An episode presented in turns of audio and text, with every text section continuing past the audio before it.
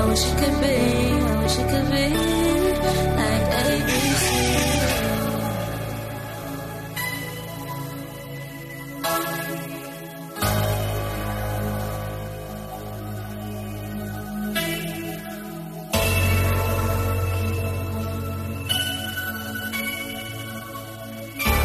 Nasty C featuring Rolling SMA Send Me Away. Ulalela umsakazo ukhozi FM cabanga ukuthi nami ke sekuzomela ngibe uhlobo lomuntu ofana no Sway eAmerica omele ihip hop uma kuukuthi isonto nesonto sengizoba nama interview eh, nabantu abahamba phambili kangaka kwi hip hop eningizimu Afrika. Ngesonto edlule ngalesikhathi sasikhuluma no Casper Nyovest kunginikeza ke intokozo nokuyiqhenya okukhulu njengamanje ukuthi samukele unsika yezwe David Junior Ngcobo esimazi ngo Nasty C in the Yo. building What's happening, bro? Khamba njani mfethu ngiyaphila mfethu ngiyajabula ukukhuluma nawe ukuphi u lockdown ekuphi njoba kungumhla 22 ku day 22 nje Uh, I'm at home, bro. At, at Joseph. oh segoli Yeah, stuck in the house. oh oh okay so so njengoba uzalelwe khona e- e Deep Kloof lisakhona ikhaya vele likhona lapha e- e Soweto Hey, I, I, I don't lie to you, my house, eh? Oh okay I ain't, ain't go to guys, but I don't, I don't ever remember going there ever since like ngamuva ngisayintwana. I was a couple months old. I think maybe like I was two months old or something. all right all right angazi ngibuyile ever since. Alright, alright. Mfethu umbuzo wokuqala kontate ngibona ku Instagram izolo angiba angibanga nethuba lokuyithamela uma kuukuthi siyenzekile. Uyazi ke nawe siyawathanda ama battles. Ngibone nje ithi Nasty C versus MT the revolution of SA hip hop. Bekwenzakalani mfethu benibetlish? Siyenzekile? Yeah, yeah, yenzeke izolo at 10 for like an hour, maybe 2 hours even. So, kahle lento into eqalwe uJemini no Twizy, man. They like they started it off and and they pretty much hosting this whole thing. So what happens is each artist that that goes up there has to pull out like 15 songs from the catalog yeah, like they they heavy hitters, you know? Mhm. Yeah, and then they just we just go head to head, but it's not as if like Biped Leisure, as if like now people's egos are at stake or whatever. No, it's it's a friendly thing. We're just celebrating our culture, trying to shine the light on hip hop again, you know. And and when it is all like that, like some crazy stuff was happening. Like Uh-huh. seven hip hop artists were trending at the same time. Wow. Yeah, Imagine never that. seen that in SA. That's crazy, bro. Like we miss that energy. That that type of stuff hasn't happened since like what 2014 or something. Yeah man, yeah ngiyakhumbula 2014 no 2015 bayinyaka enkulu eMzansi. Ngiyakhumbula futhi ukuthi kwaku 2016 angisazi imaphi lama awards lawo wabuya na 3 na 4. Yeah, you know that exciting time where hip hop was like yo at the top. Yeah, That's man. exactly what's happening right now. It's, Yeah, it's man. so beautiful for the culture. Bro. Asibuyele kulezi ayikhathi mfethu usa usa ukuwafaka ku Instagram la la ama videos akho uthola ukuthi ama battles noma um ama punchlines owawenza usayintwana awusibuyisele kulezo ikhathi kwakukuphi ama neighborhoods nabangani bakho enanisuke nibetlisha freestyler nabo mhlambe noma ama verse nje ongathi kwa- ayo awabaculi abadumile akuhlaba umxhwele namanje sawakhumbula As far as ama ama battles goes, Mm. Isikhathi esiningi I'll probably be at Bed Center. If not Bed Center, like I'm freestyling escale, esitshilisa, esiphingo, or elovu ngasedladleni, or anywhere else actually that I go where, where like banama artists, at least like five artists who who who are like around and are willing to work. That that type of stuff always happens. Lento siqala ukuthi singene sonke like mhlambe sothi siya just for for argument's sake mhlambe siya go to room mhlambe but there's a guy who's there called stranger so Sure, mhlambe sure. siya five to record and then there'd be like five other artists who come there and then we'd end up just like having fun freestyling all that type of stuff Yeah man and ngeke ngibone ukuthi usabuyela kulezo indawo njengakolovu eh ube namajitha kujatshulu eh mfethu. wawukuyicabange kodwa nsika u- uma ubhetlisha ngaleso sikhathi noma usesikoleni mhlawumbe uthisha kubamba uyenzile homework wena ubhala amavesi lapha e- emuva kweexercise. Wawukuyicabanga ukuthi uyokhula uphumelele uzufinyelele kuleli izinga kulona i mean uqeda kusayina ne Def Jam Records. Siyakubongela. Wow. Okay yawe yawe showcase. Yeah but lento lento ngangazoyenzeka ngangifuna ukuthi yenzeke yabo yeah. And like ngangizama ngayo yonke indlela bese spana tirelessly like sometimes ngingasenzi isipana sesigele just to focus on the music and stuff like that. Angisuke mhlawumbe mhlawumbe ngolesine ngize ngibuye ngo- ngomsombuluko like doing shows just trying my best to put myself out there. It's Yeah. like I was all over yabo eFlorida nje bese Dubai oh Absolute oh Miami oh Keys zonke lama clubs I was going to all those clubs bro like trying. Yeah. You know So Yeah. I had no doubt in my mind that it was going to happen because I was putting in so much work. Umyalezo wakho mhlawumbe ang- ang- ang- angibuze ngesilungu bese ngibuye esizulwini do you have a narrative that your verses seek to socially commentate ukhona umyalezo onenjongo e, e specific ofuna ukuyidlulisa emphakathini noma urapper nganoma ingane efikile ngaleso sikhathi En- engomeni ngirapha ngaloma yini e- e- efile leso sikhathi yabo i studio session first is usually determined by how I'm feeling at the time or what I've had in my mind for like the whole week or stuff like that yabo but as far as my brand goes and and what I stand for and and the stuff I'm always preaching everywhere I go ilento le- ilento eqeda ngikhubo ukuthi bethi abantu bayibukele phansi yabo le yeah like umuntu abuke la iqhamuka khona abuke ukuthi ubeyoba esigele nangakubo bese aqala thay angeni umuntu obalekile abantu aba- aba- akaze bathi ngikhulu this and that bese umuntu immediately acathela aka akayideserve success yabo? Yeah yeah you yeah you know that's the only thing mina bethu engimagazi like whenever they give me an opportunity to speak to some of these young kids that's the one thing I make sure I stress bona success.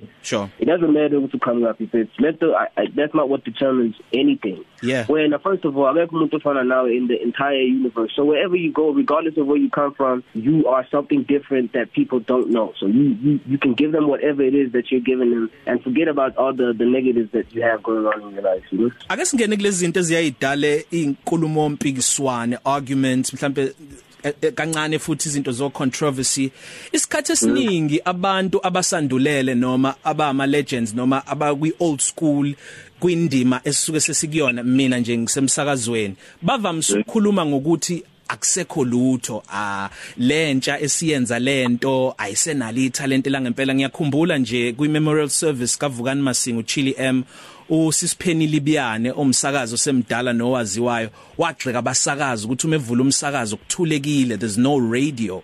Bakhona nawe mhlambe kwindima ye hip hop ayibe- baye bethi mabekhuluma ngani genge ekwi new school nangendlela enenza ngayo ukuthi ayi italent alisekho. Uyayuphendula uthini kubantu abagxika ngalolo hlobo? In- into kanjalo nafethu ukuthi inhlanhla leyo la eseyayenze kangaka yabo? Thina la ese instead of i- i i- hip hop going down iya iyanyuka kunalo mhm. Yabo? There's we seeing more and more fresh blood in the game just turning it up yabo? Lento yenze yenze kakhulu states lo nto Mm. so ngumhlaba wonke uyibonile lo nto yabo? And Yeah. ngiya- like i understand ukuthi baqhamuka kaphi labantu abakhuluma ngaleyo nto or lama OG asegamini afile ngathi ukuthi manje ah, asekho italent egamini or what what yabo ngiya understand lo nto nama ubuka bethu music out there right now i'm sure nali ifike lo nto emqondweni fethu uthi Don't you remember those days when it was like the guys that were at the forefront, like Yeah. Bobby Bobby Kulu, Bobby Tengo, man, like it was it was some real stuff in there and the substance in those. Uh, yeah yeah And right now, song is Kuma and they oh uh, this and that. yeah So I I understand where they're coming from, but at the same time, finally I understand this is it, it, it, the sound is always going to change. It always goes through its peaks and its peaks. Know? Yeah. So as much as it goes down somewhere and and and and might feel like yo people are not appreciating the culture and the lyricism behind it and just having substance and stuff like that.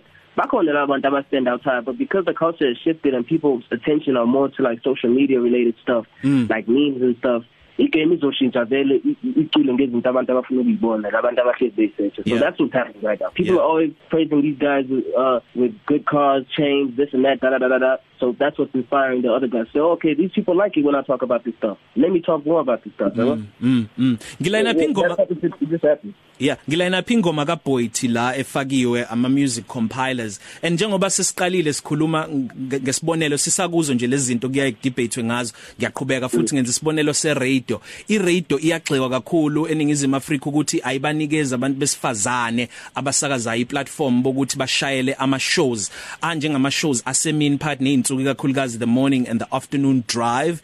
Kwa hip hop kuhamba kanjani mfowethu uma nihleli nixoxwa abantu besifazane bayanikezwa iplatform noma kuseyile nqubo nje yokuthi the first lady of ba of Def Jam the first lady of Rough Riders the first lady of Band khamba kanjani la eningizimu Afrika? Athe bayanikwa bayanikwa bethu ithuba but akufani yabo? Mm. like mangabe lento enziwa all over all over bese bahlezi bethola yonke support people never look at them as oh he's a male rapper. No they just say he's a rapper. But when it, when it's something else when it's a female doing it people want to say she's a female rapper. So mm. they immediately take her out of the, the world stage and they put her in a small little stage amongst other women also. It's sad sick. I mean there's not like we have more men than women. So Yeah. obviously, yeah. So obviously, like asikwazi ukuthi kuyidivide kanjani. Then it would be unfair. Then it, then you really like be minimizing uh the, like the female d- division of the the game. Yeah man. Yeah, I- ake sithi ukubreak kancane ke simuze uBoyd ne talent lakhe kule ngoma engiyithanda kakhulu. Masibuya sokhuluma ke sigcile ngokuthi kubandakanyani eh kule deal oqeda kuyisigna ne Def Jam Records. Nasty C. Sobuya sixoxe nawe khona manje mfethu. Awu. Bakae bane ba re ba itshosetse a re ba bone bakae bona rena mo re leng teng a re ba bone bakae It's 12 to 3 Cafe. Ukhozi FM. How they let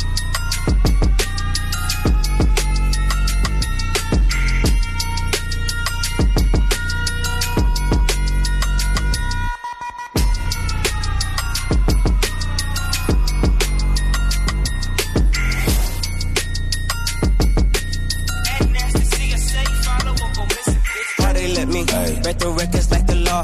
How they let us let them go so hard. Tattoos on my body, shawty think I'm thugging hard. I can't even hit the gym, I'm scared to take a loss, boy. Psych. Fell in love with threesomes, it was love at first sight. Fell in love with it was love at first mic. I was in a dark place, couldn't find a light. Then I hit a lick as if my pen didn't want to write. God flow. God flow.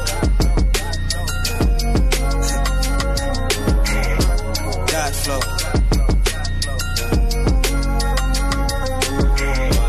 God flow. In my section, reppin', steppin'. It could be ten of us, but nobody come second. You, you a peasant, surrounded by yes men. I'm a leader by selection. Y'all sheep, you a shepherd. And money, huh, keep them separate. Act funny, huh, when they desperate. Me, under pressure, nah, I'm under dressing. First time I seen a million flat, it felt electric. I just knew I'm the one that made the music, but I'm made for it too. Flexing on these, cause they left my balls blue. I'm the artist and the boss too. IDs on you flipping like the devil tossed you. Uh, splurging on designer, don't care what it costs you. You can't even dance, but you making boss moves. You came out that rusty shit and still a shark too. Getting top in the top, just turn it to a car. How they let me break the records like the law. How they let us let them go so hard. Tattoos on my body, shawty think I'm thugging hard. I can't even hit the gym, I'm scared to take a loss, boy. Fell in love with threesomes, it was love at first sight. Fell in love with it was love at first mic. I was in a dark place, couldn't find a light. Then I hit a lick as if my pen didn't want to write. God flow. God flow. God flow. God flow. You can miss me. I'm going past in a jiffy. They diss me. All because I'm royal and I'm prissy. It's silly, but really, you can't offend me. I got kicking like it's 20 months priggy. It's ball main jeans in the fam, not no dicky. What they all ain't seen in the man got a miffy. Yeah, they all get retrieved and smoked like a With flair here and there. Hood train young and give a bear scare stare. The God Flow Chronicles, feel it in your abdominal. Bad little shawty look like Kim Possible. Intolerable, no it isn't optional. Broken nose my drive, I had to push it before I got the pull. No, I wasn't honorable. Now I'm on the roll. I took down a stroll, the visions on Oracle. Yeah, let's How go. they let me break the records like the law. How they let us let them go so hard.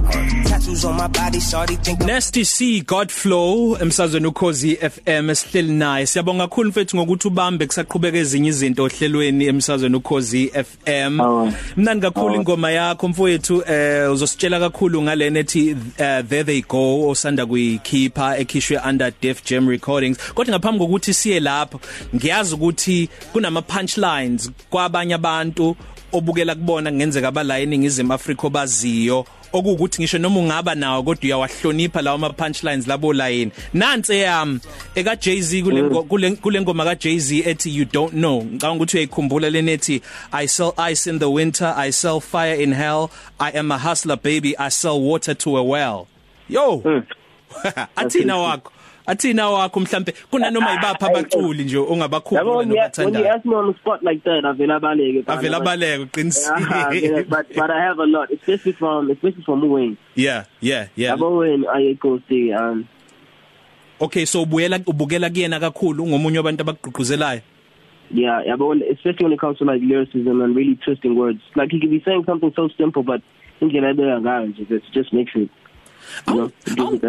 awungitshele ubuciko bokurhyme into ozalwa nayo ngaba yitalent noma isiphiwo noma ngisho noma kunganjalo kodwa futhi ungalokukhula nayo uyiimprove kade ingekho kangako? Yeah kuyahlukana but like if uzalwe na vele umuntu vele nje from young obekwazi ukufreestyle nani nani then yeah logo logo count as natural gifted yabo like Alright. you gift it. but khona abantu bethu abayifunda as a skill well if you if you think about it technically all of us learn it as a skill cuz qala ngokulalela Wayne and whatever and then we imitate them and then eventually we try to and then the more and more you know we practice practice and then that's when we get like hits yes yeah. Yeah ngiyakuzwa mfethu. Now kade ngibuka la kwi Hall of Fame uh, nabaculi um you know Justin Bieber Jeremiah Kanye West Nas Pusha T Big Sean emanje sekuzoba khona igama noma selivele selikhona Nasty C. ngaphansi kwa Def Jam Recordings. Now eAmerica kwi Black Entertainment abantu uh, ubuso obaziwayo Oprah Winfrey Tyler Perry ngeke uzubshiye Spike Lee ngeke uzumshiye lapho Shonda Rhimes naye uRussell Simmons lo ongomunye wabasunguli be Def Jam Recordings. Siyakubongela mfethu kufinyeleleke kanjani ukuthi uzugcine usayine ideal ngaphansi kwe recording company ehlonishwa kangaka? Uh, okay, first ngiyabonga bethu.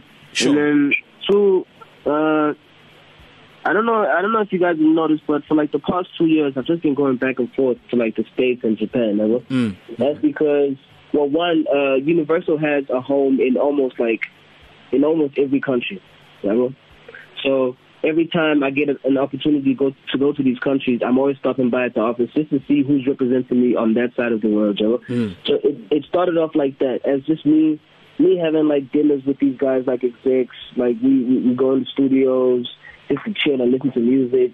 Sometimes they'll just come to my place wherever I'm staying in that country, and then we'll just have a drink there and just and just relax. You know, talk about the culture, how we can bridge the gap uh, between um, not even just only South Africa, but also Africa and the world. You know, because right now, um, like Davido, Burna Boy, Wizkid, and all those guys, they've been bridging the gap, but right now it's looking one-dimensional. You know, abantu bakathi Africa, Afrobeat.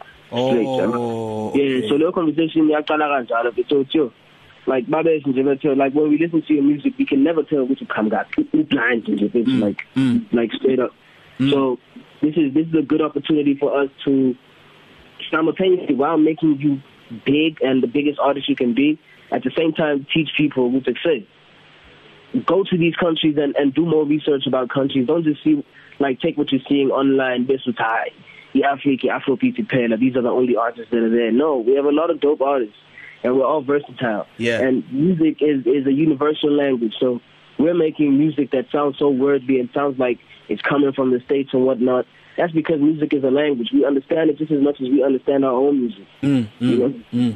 omunye yes that's how that started. Omunye engicabanga ukuthi udlale umthelelo omkhulu ekufafazekeleni kwetalente lakhe elivele likhona yilo ohlonishwa kakhulu eh kakhulukazi abomrap umuke waya ohlelweni lakhe eh impela kusho ukuthi usuke kukhona utho olwenzayo usway ake simuzwe ekubongela mfethu ngale deal I get to say this to the rest of the world, Heather. I've said it a lot to the country of uh, North America, now Okay. United States, whatever we call it. Okay, I'm here for it. This is for the rest of the world. Okay. All the other six continents. Okay. You whack rappers.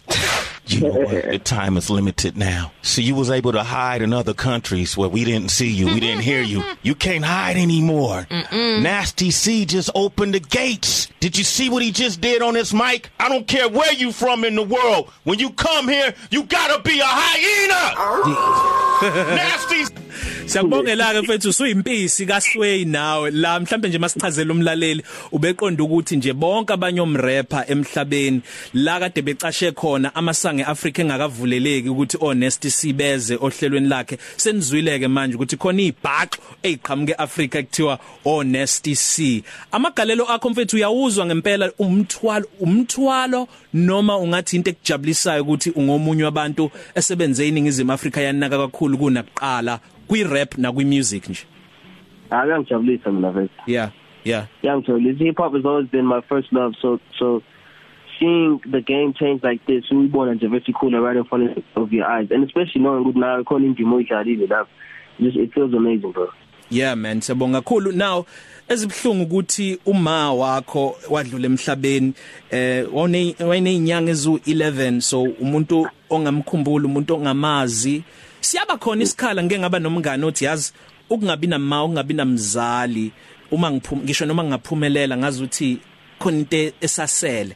Ukwaze kanjani empilweni noma kusayisikhala esikhona ukwazi kanjani ukuzelapha uya ngokuya ukhula kunento nje obuye ucabange ngayo? Eh ngithanda ngithanda ukuyibuka kanje. Like all the diversity lengadile la likhona and I feel like konke zonke lebusi sengiyithola bethu she has something to do with it for for sure yabo? Yeah. Like yeah mina ngikhuliswe kanjalo nje bethu ngihlonipha abazali even even if bengasekho emhlabeni nje bethu yazi ukuthi bakugadile abantu bakini la bethu ngeke bakulahle. As long as wena hlonipha nje bethu uqhubeke bethu like uba represent and stuff ungabakhona. Yeah yabo? yeah. So that's how I look at it. Ngi all the bethu hlezi mina I'm like I, I I don't feel that void anymore. But ngisayintwana like ngisabo 13 going to like 17 akona ngidla wala yeah. I ngidla impela but but I, I found a way around it and more than anything I just appreciate her for for for what she's done you know while she was here and even even after she was gone. Mm.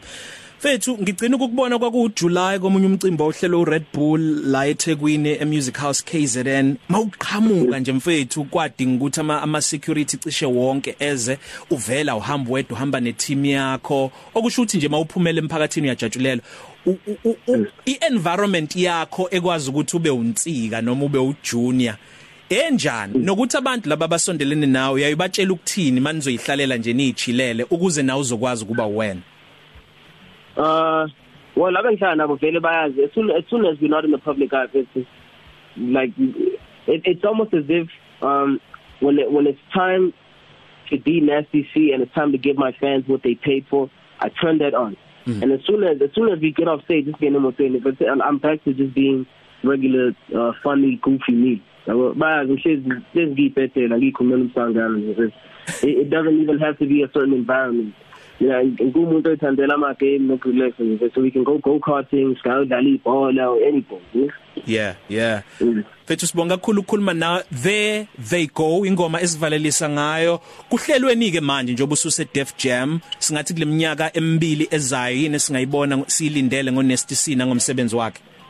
Like mingi but but but okune ngeke ngikwazi ukubala but azani mina ukuthi hayi si on si on si on Bethu sijabule kakhulu ukukhuluma nawe. U lockdown ekamnandi lapho. Siya appreciate ama video akho a goofy ubuye wafake ku Instagram siyobuye sixoxe nangelinye ilanga ithuba malivelile Yizo ngiyabonga mathi sharp sharp but You hating a tuck tuck. You a, mm, got no vision.